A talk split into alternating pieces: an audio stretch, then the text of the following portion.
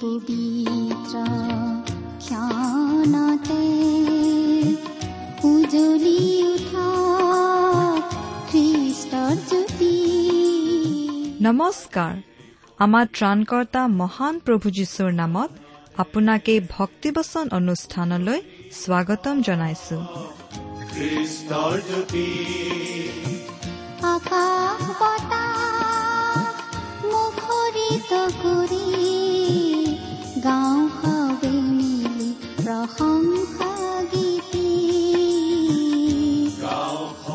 এয়া মুকলি কৰিছো। ঈশ্বৰৰ জীৱিত বাক্যৰ ধাৰাবাহিক অনুষ্ঠান ভক্তি বচন। আপোনাৰ জীৱনত যদি শান্তি পাব বিচাৰে তেন্তে এয়া ঈশ্বৰৰ বাক্যৰ সান্তনা বাক্য ভক্তি বচন। গতিকে আহক আজিৰ শিক্ষা শুনো।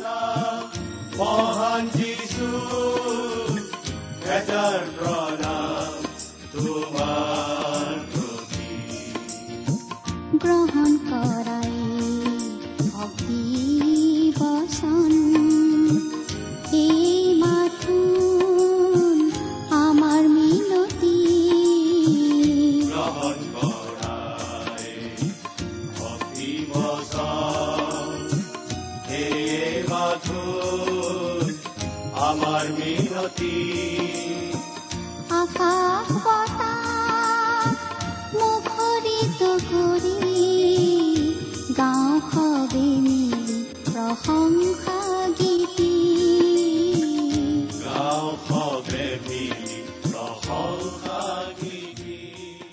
আমাৰ মহান ত্ৰাণকৰ্তা প্ৰভু যীশুখ্ৰীষ্টৰ নামত নমস্কাৰ প্ৰিয় শ্ৰোতা।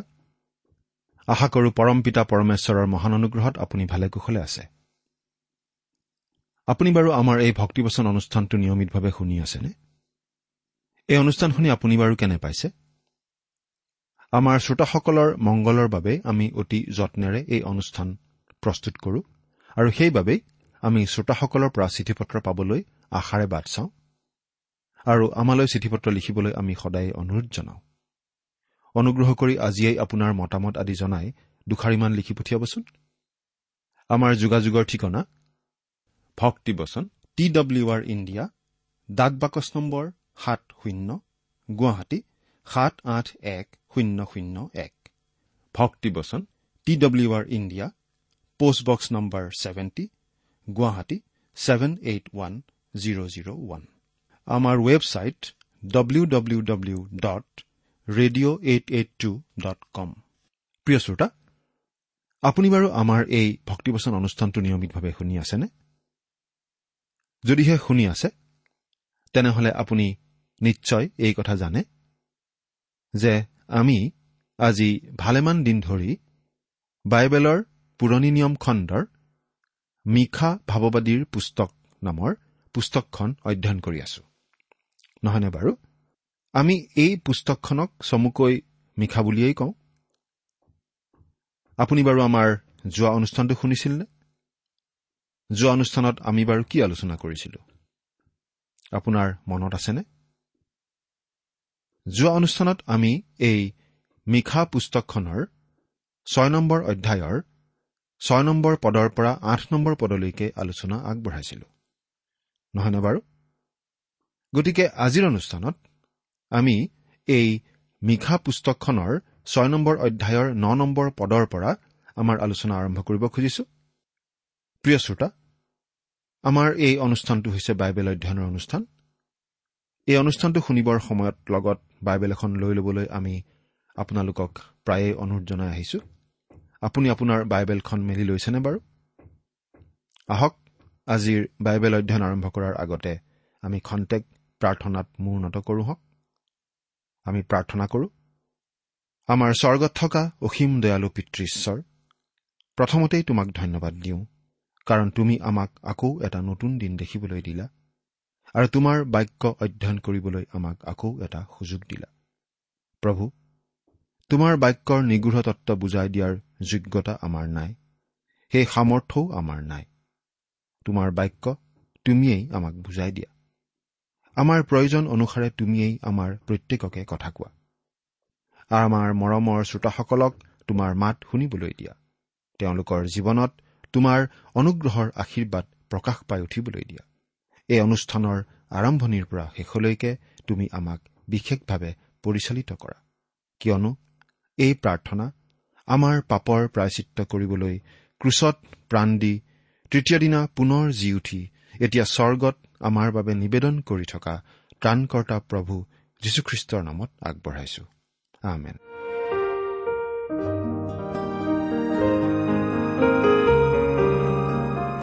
প্ৰিয় শ্ৰোতা আমি যোৱা অনুষ্ঠানত কি আলোচনা কৰিছিলো হয়তো আপোনাৰ থুলমূলকৈ মনত আছে?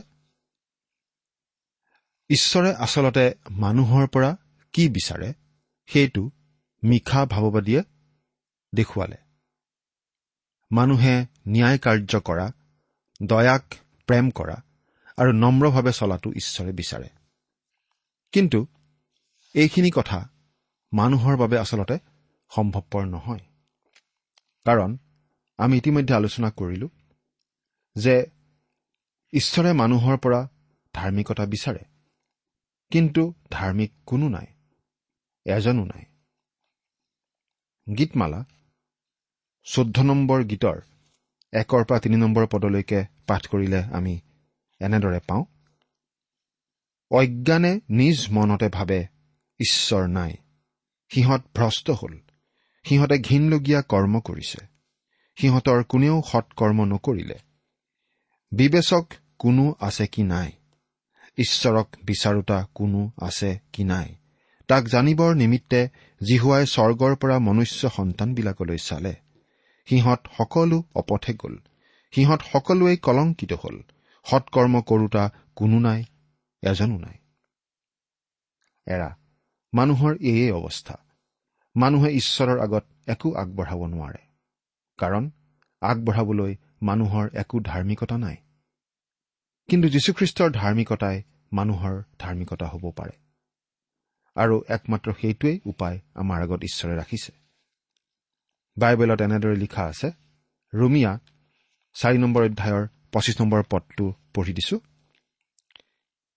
সেই যীশু আমাৰ অপৰাধৰ নিমিত্তে সমৰ্পিত হ'ল আৰু আমাৰ ধাৰ্মিকতাৰ অৰ্থে তেওঁক তোলা হ'ল।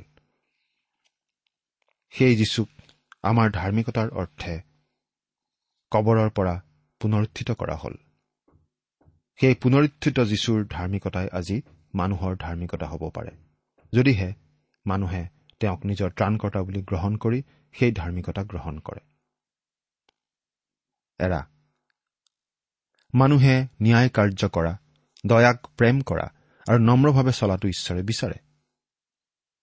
এইখিনি কথা সম্ভৱপৰ হয় একমাত্ৰ ঈশ্বৰৰ শক্তিতহে। মানুহে নিজৰ চেষ্টাৰে নোৱাৰে।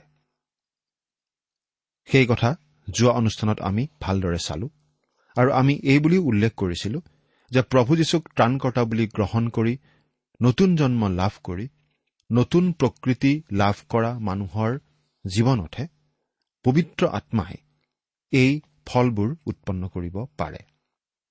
ঈশ্বৰে মানুহৰ পৰা কি বিচাৰে?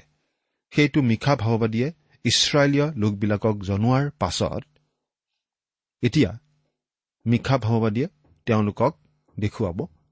তেওঁলোক এই বিষয়ত কিমান বিফল হৈছে সেই কথা। অৰ্থাৎ সেই ইছৰাইলীয় লোকবিলাকে জানি বুজি স্ব ইচ্ছাই পাপ কৰি থকা কাৰণে ঈশ্বৰে তেওঁলোকক শাস্তি বিহিব। এতিয়া বাইবেলৰ পৰা পাঠ কৰি দিম। মিশা ভাওবাদীৰ পুস্তকৰ পৰা ছয় নম্বৰ অধ্যায়ৰ ন নম্বৰ পদ। যদিহে আপোনাৰ লগত বাইবেল আছে চাই যাব। আৰু যদিহে লগত বাইবেল নাই অনুগ্ৰহ কৰি মন দি শুনিব। মিশা ছয় নম্বৰ অধ্যায়ৰ ন নম্বৰ পদ। জিহুৱাই বৰ মাতেৰে নগৰখনক কথা কৈছে। আৰু জ্ঞানীজনে তোমাৰ নাম মানিব। তোমালোকে দণ্ডদালিলৈ আৰু তাক নিৰূপণ কৰা জনালৈ মন দিয়া। জিহুৱাই বৰ মাতেৰে নগৰখনক কথা কৈছে। আমি এই কথাটো দেখিছো যে মিখাই বিশেষভাৱে নগৰীয়া অঞ্চলৰ প্ৰতি সম্বোধন কৰি তেওঁৰ ভাৱবাণী ঘোষণা কৰি আছিল। তেওঁৰ লিখনিৰ পৰা এইটো প্ৰকাশ পায় যে তেওঁ যথেষ্ট আধুনিক লিখক আছিল।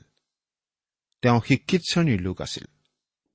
তেওঁ সমাজৰ উচ্চ শ্ৰেণীৰ অন্তৰ্ভুক্ত আছিল। অৰ্থাৎ তেওঁ আমোচ ভাৱবাদীৰ বিপৰীত আছিল। আমোচ ভাৱবাদীয়ে এই বুলিহে কৈছিল মই কোনো ভাৱবাদী নহয় মই ডিমৰু গছৰ আপডাল কৰোতা মাত্ৰ। মই খেতি বাতিত সহায় কৰোতা মানুহ মাত্ৰ। মই গাঁৱলীয়া মানুহ। এতিয়া মাত্ৰ চহৰলৈ আহিছো। কিন্তু আমোচ ঈশ্বৰৰ লোক আছিল। মিখাও ঈশ্বৰৰ লোক আছিল। কিন্তু আমোচতকৈ বেলেগ ধৰণৰ মানুহ আছিল। মিখাই নগৰবোৰক উদ্দেশ্য কৰি কথাবোৰ ক'ব ধৰিছে। জ্ঞানীজনে তোমাৰ নাম মানিব। তোমালোকে দণ্ডদালিলৈ আৰু তাক নিৰূপণ কৰা জনালৈ মন দিয়া। দণ্ডদালি মানে ঈশ্বৰৰ সুধবিচাৰৰ দণ্ড। গীতমালাৰ দুই নম্বৰ গীতত আমি এই বুলি পঢ়িবলৈ পাওঁ তুমি সিহঁতক লোহাৰ দণ্ডেৰে ভাঙিবা কুমাৰৰ পাত্ৰৰ দৰে তুমি সিহঁতক দুখৰ দুখৰ কৰিবা। গীতমালা দুই নম্বৰ গীতৰ ন নম্বৰ পদ। দণ্ডডালে প্ৰতিনিধিত্ব কৰে ঈশ্বৰৰ পৰা অহা শাস্তি বিচাৰ দণ্ডক। ইছৰাইল দেশখনৰ ওপৰলৈ শাস্তি নামি আহিব ধৰিছিল। জ্ঞানীজনে মানে যি মানুহে সেই দিনত ঈশ্বৰক বিশ্বাস কৰিব তেওঁৰ কথা শুনিব। সেই শাস্তি ঈশ্বৰৰ পৰা অহা বুলি বুজিব আৰু সেই অনুসাৰে কাম কৰিব। ঈশ্বৰৰ মাত ডাঙৰ হৈছে আৰু তেওঁ সুধবিচাৰৰ ৰায় দি কথা কৈছে। সেইজনেই জ্ঞানী মানুহ যিজনে ঈশ্বৰৰ কামবোৰ চিনি পায়। যি কামৰ মাজেদি ঈশ্বৰৰ ধাৰ্মিক আৰু ন্যায়বান চৰিত্ৰ প্ৰকাশ পায়।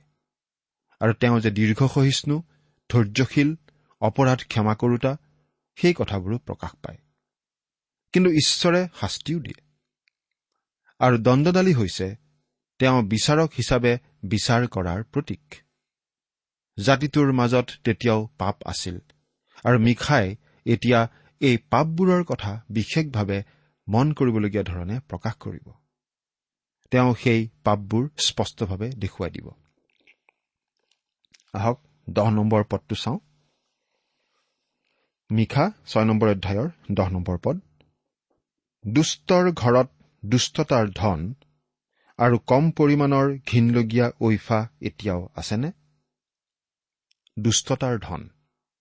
মানে তেওঁলোকে অন্যায় অধাৰ্মিকভাৱে যি ধন আহৰণ কৰিছে সেই ধনৰ কথা ইয়াত উল্লেখ কৰা হৈছে। এঘাৰ নম্বৰ পদ। অন্যায় পাল্লাৰে আৰু প্ৰবঞ্চক দগাৰ থৈলাৰে মই নিৰ্দোষী হ'মনে? মানুহবোৰৰ মাজৰ বহুতো মানুহ মন্দিৰলৈ উপাসনাৰ বাবেও আহিছিল। বলি আগবঢ়াবলৈ লগত বলি লৈ আহিছিল। বাহ্যিক ৰীতি নীতি আদি পালন কৰিছিল। আৰু তেওঁলোকে কৈছিল যে তেওঁলোকে ন্যায় আচৰণ কৰিছে আৰু দয়াক প্ৰেম কৰিছে। কিন্তু সপ্তাহটোৰ বাকী দিনকেইটাত তেওঁলোকে কি কৰিছিল? ঈশ্বৰে কৈছে অন্যায় পাল্লাৰে আৰু প্ৰবঞ্চক দগাৰ থৈলাৰে মই নিৰ্দোষী হ'মনে? আমি এটা কথা ক'ব পাৰোঁ যে সেই সময়ৰ মাংস বিকুতাবিলাকে মাংস বুলি নিজৰ বুঢ়া আঙুলিকে জুখিছিল আৰু সেই বুঢ়া আঙুলিৰে অনেকক ঠগাইছিল। ব্যৱসায় কৰা লোকবিলাক তেওঁলোকৰ ব্যৱসায়ত অসাধু আছিল। ঈশ্বৰে কৈছে প্ৰবঞ্চক দগাৰে থৈলাৰ কথা। অৰ্থাৎ তেওঁলোক অতিশয় প্ৰবঞ্চক আছিল। তেওঁলোকৰ মনত কেৱল কুবুদ্ধি তেওঁলোক আছিল লোভী আৰু অতিপাত খকুৱা। তথাপি তেওঁলোকে নিজক ধাৰ্মিক লোক যেন দেখুৱাই ভাল পাইছিল। এতিয়া বাৰ নম্বৰ পদটো পঢ়ি দিছো। সেই নগৰৰ ধনীবোৰ অত্যাচাৰেৰে পৰিপূৰ্ণ। তাৰ নিবাসীবোৰে মিছা কথা কয়। আৰু সিহঁতৰ মুখত চল কৰা জীৱা আছে। ধনী লোকবিলাকে হিংসাত্মক কাম কৰিছিল। মিছা কথা কৈছিল। চল কপত তেওঁলোকৰ স্বভাৱ আছিল। তেওঁলোকৰ কথাত একো বিশ্বাস নাছিল। প্ৰিয় শ্ৰোতা এয়া বাৰু আমাৰ আজিৰ সমাজখনৰো ছবি নহয়নে?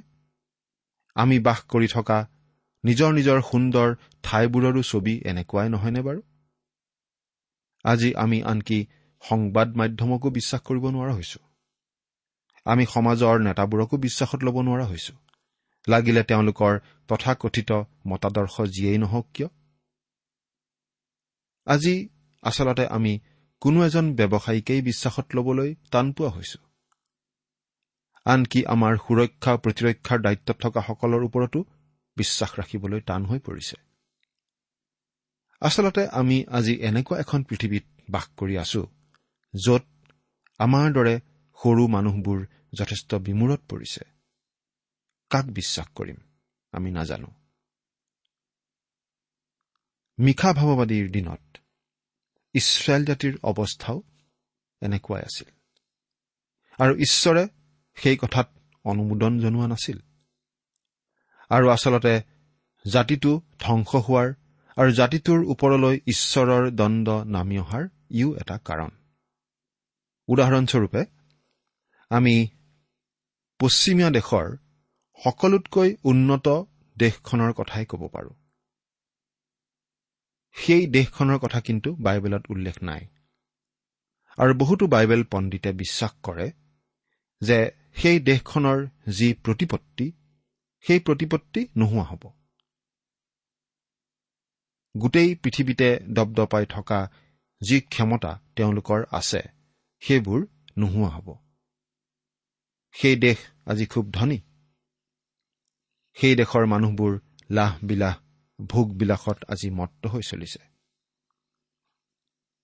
কিন্তু দেশ হিচাপে তেওঁলোক যে ঈশ্বৰলৈ ঘূৰিব লাগে সকলোবোৰ কথাত যে ঈশ্বৰক আগস্থান দিবলৈ শিকিব লাগে সেই বিষয়ে কোনো জনমত নাই। গতিকে আজি উন্নত অৱস্থাত থাকি একেবাৰে মজগুল হৈ থকা সেই দেশখনৰ ওপৰলৈ ঈশ্বৰৰ সুধবিচাৰ সোনকালেই নামি আহিব বুলি বহুতো পণ্ডিতে বিশ্বাস কৰে। বহুতো মানুহে তেনেদৰে ভাবে আৰু মনৰ শংকা প্ৰকাশ কৰে। প্ৰিয় শ্ৰোতা ঠিক একেধৰণৰ অৱস্থাত আছিল সেই মিশা ভাৱবাদীৰ দিনৰ উত্তৰ ইছৰাইল ৰাজ্যৰ আৰু তেওঁলোকৰ ওপৰলৈ নামি আহিছিল ঈশ্বৰৰ সুধ বিচাৰ দণ্ড। যদিও তেওঁলোকে জাতি হিচাপে ঈশ্বৰৰ মনোনীত জাতি আছিল তথাপিও ঈশ্বৰে তেওঁলোকক শাস্তি দিছিল। এতিয়া তেৰ নম্বৰ পদটো পঢ়ি দিছো। ইয়াত এইদৰে লিখা আছে এই হেতুকে ময়ো সাংঘাতিক আঘাতেৰে তোমাক আঘাত কৰিলো। তোমাৰ পাপবোৰৰ কাৰণে মই তোমাক ধ্বংস কৰিলো। তোমাৰ পাপবোৰৰ কাৰণে মই তোমাক ধ্বংস কৰিলো। অৰ্থাৎ এই কথাখিনি আমাৰ বৰ্তমান যুগৰ আজিৰ এই পৰিস্থিতিৰ লগত খাপ খুৱাই ঈশ্বৰে এনেদৰে কোৱা বুলিও আমি ক'ব পাৰোঁ। আজি ঈশ্বৰে আমাক এনেদৰে কৈ থকা বুলিও ক'ব পাৰোঁ। প্ৰথমতে মই তোমালোকৰ পৰা তেলবিলাক কাঢ়ি লৈ যাম। তোমালোকৰ তেলৰ নাটনি হ'ব। কিন্তু তথাপিতো তোমালোকে মোলৈ নুঘূৰা। আৰু তোমালোকৰ পৰা তেল কাঢ়ি নিয়াতেই মই ক্ষান্ত নহ'ম। তোমালোকে দেখিবলৈ পাবা যে তোমালোকৰ মাজত বহুতো বস্তুৰ নাটনি হ'ব। তাৰ পাছতহে তোমালোকক মই কৰা সোধ বিচাৰ সম্পূৰ্ণ হ'ব। প্ৰিয় শ্ৰোতা ঈশ্বৰে পৰ্যায়ক্ৰমে এটাৰ পাছত এটাকৈ বিভিন্ন ধৰণে শাস্তি প্ৰদান কৰি থাকে। আজিও সেই কথাটো আমি মন কৰা উচিত। এতিয়া চৈধ্য নম্বৰ পদৰ পৰা চাওঁ হওক। মিশা ছয় নম্বৰ অধ্যায়ৰ চৈধ্য নম্বৰ পদ। তুমি খাবলৈ পাবা কিন্তু তৃপ্ত নহবা। তোমাৰ পেট খালী থাকিব। তুমি স্থানান্তৰ কৰিবা কিন্তু একো ৰক্ষা কৰিব নোৱাৰিবা। যি ৰক্ষা কৰিবা তাক মই তৰোৱালক সোধাই দিম। এই কথাখিনি আমি এনেদৰেই ক'ব পাৰোঁ। ঈশ্বৰে যেন কৈ আছে তোমালোকে এতিয়া যিবিলাক বস্তু উপভোগ কৰি আছা সেইবিলাক বস্তু আৰু তোমালোকে উপভোগ কৰিবলৈ নাপাবা। এতিয়া তোমালোকৰ যি লাহ বিলাহৰ সুন্দৰ সুন্দৰ বস্তুবোৰ আছে সেইবোৰ আৰু তোমালোকে উপভোগ কৰিবলৈ নাপাবা। সেইবোৰ তোমালোকৰ পৰা কাঢ়ি লৈ যোৱা হ'ব। সেই সকলোবোৰ তোমালোকে হেৰুৱাব লগা হ'ব। বয় বস্তুৰ আকাল হ'ব। দুৰ্ভিক্ষৰ সময়ো আহিব। তোমালোকৰ যিবোৰ সা সম্পত্তি আছে সেই সা সম্পত্তিবিলাক কোনো নিৰাপদ ঠাইলৈ স্থানান্তৰ কৰিবলৈ তোমালোকে প্ৰচেষ্টা চলাই লাভ নহ'ব।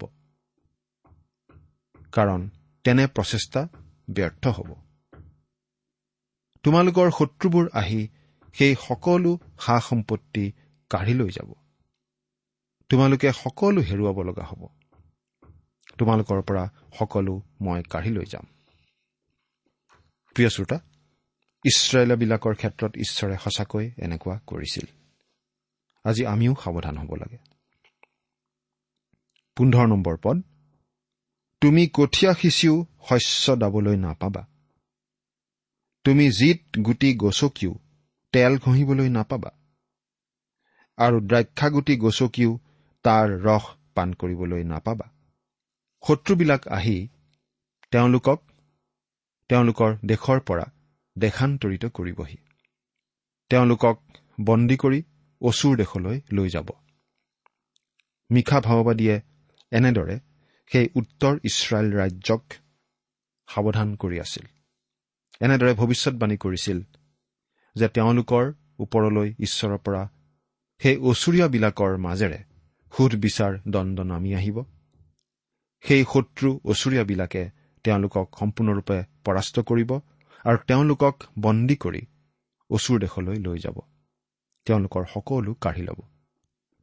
ঈশ্বৰে তেওঁলোকক শাস্তি প্ৰদান কৰি ধ্বংস কৰিব খুজিছিল। কিন্তু একেবাৰতে নহয়। তেওঁলোকক লাহে লাহে শাস্তি প্ৰদান কৰিব খুজিছিল। গতিকে তেওঁলোকে মন পালটন কৰি ঈশ্বৰলৈ ঘূৰিবলৈ সুবিধা পাব সুযোগ পাব। ঈশ্বৰে অলপ অলপকৈ শাস্তি দি পৰ্যায়ক্ৰমে শাস্তি দি তেওঁলোকক তেনেদৰে মন পালটন কৰি ঈশ্বৰলৈ ঘূৰিবলৈ সুযোগ দিব খুজিছিল। সেই সুবিধা ঈশ্বৰে তেওঁলোকক দিছে। তেওঁলোক সমূলঞ্চে ধ্বংস হোৱাৰ আগতে। ইয়াৰ পাছৰটো অধ্যায় অধ্যয়ন কৰোঁতে আমি দেখিবলৈ পাম যে ঈশ্বৰে তেওঁলোকক যিকোনো সময়তে ক্ষমা কৰিলেহেঁতেন যদিহে তেওঁলোকে তেওঁলৈ ঘূৰিলেহেঁতেন।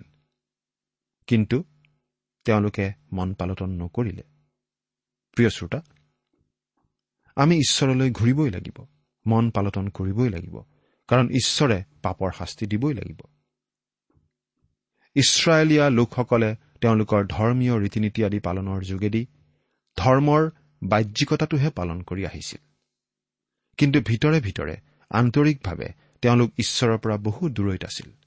তেওঁলোকৰ ব্যৱসায়ৰ লেনদেনবোৰত আছিল অসাধুতা। তেওঁলোকৰ জীৱনবোৰত আছিল অপবিত্ৰতা। সমাজৰ চাৰিওপিনে আছিল উগ্ৰতা হিংস্ৰতা। চাৰিওপিনে মিথ্যাবাদিতা ঠগ প্ৰবঞ্চনাৰ পয়োভৰ আছিল। সকলো ধৰণৰ চকুত পৰা পাপেই মানুহবোৰে কৰি আছিল। আৰু মানুহবোৰে এনেদৰে পাপ কৰি থাকিলে কোনো জাতিকেই ঈশ্বৰে আশীৰ্বাদ কৰিব নোৱাৰে কোনো জাতিকেই শাস্তি নিদিয়াকৈ ঈশ্বৰ থাকিব নোৱাৰে। প্ৰিয় শ্ৰোতা ঈশ্বৰৰ সেই বিশেষভাৱে নিৰ্বাচিত জাতি ইছৰাইল জাতিও সাৰি যাব পৰা নাছিল। এৰা পবিত্ৰ ঈশ্বৰৰ হাতত পৰি সাৰি যাবলৈ হলে আমি তেওঁৰে পৰা পবিত্ৰতা গ্ৰহণ কৰিব লাগিব প্ৰভু যীশুখ্ৰীষ্টৰ যোগেৰে। সেই পবিত্ৰতা আপুনি বাৰু যীশুখ্ৰীষ্টক বিশ্বাস কৰাৰ দ্বাৰাই গ্ৰহণ কৰিছেনে? চিন্তা কৰি চাওকচোন। ঈশ্বৰে আপোনাক আশীৰ্বাদ কৰক। আহমেন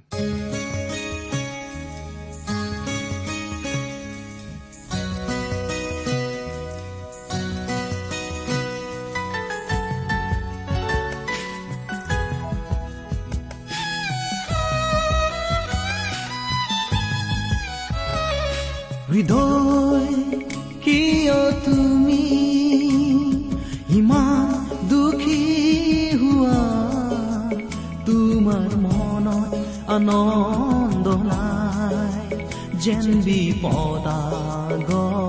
আছে।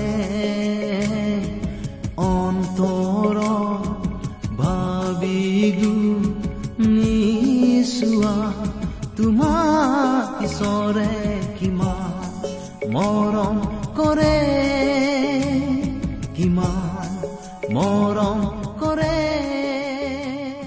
ইমান পৰে আপুনি ভক্তিবচন অনুষ্ঠানটি শুনিলে। এই বিষয়ে আপোনাৰ মতামত জানিবলৈ পালে আমি নথৈ আনন্দিত হ'ম আমি প্ৰস্তুত কৰা বাইবেল অধ্যয়নৰ আন চিডিসমূহ পাব বিচাৰিলেও আমালৈ লিখক। অনুষ্ঠানটি শুনি কেনে পালে আমালৈ চিঠি লিখি জনাবচোন? অনুষ্ঠানত প্ৰচাৰ কৰা কোনো কথা বুজিব লগা থাকিলেও আমালৈ লিখক। আমাৰ ঠিকনা?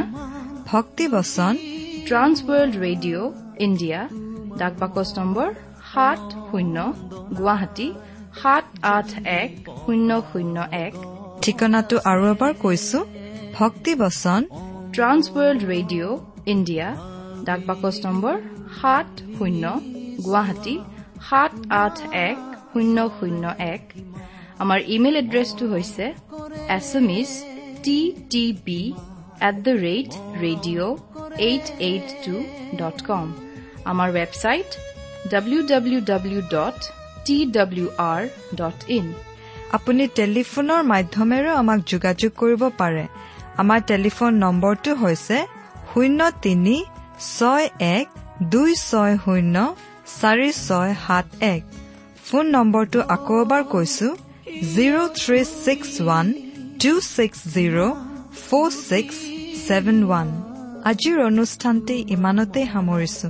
ঈশ্বৰৰ শান্তি আৰু অনুগ্ৰহ আপোনাৰ লগত থাকক। ধন্যবাদ। গৰ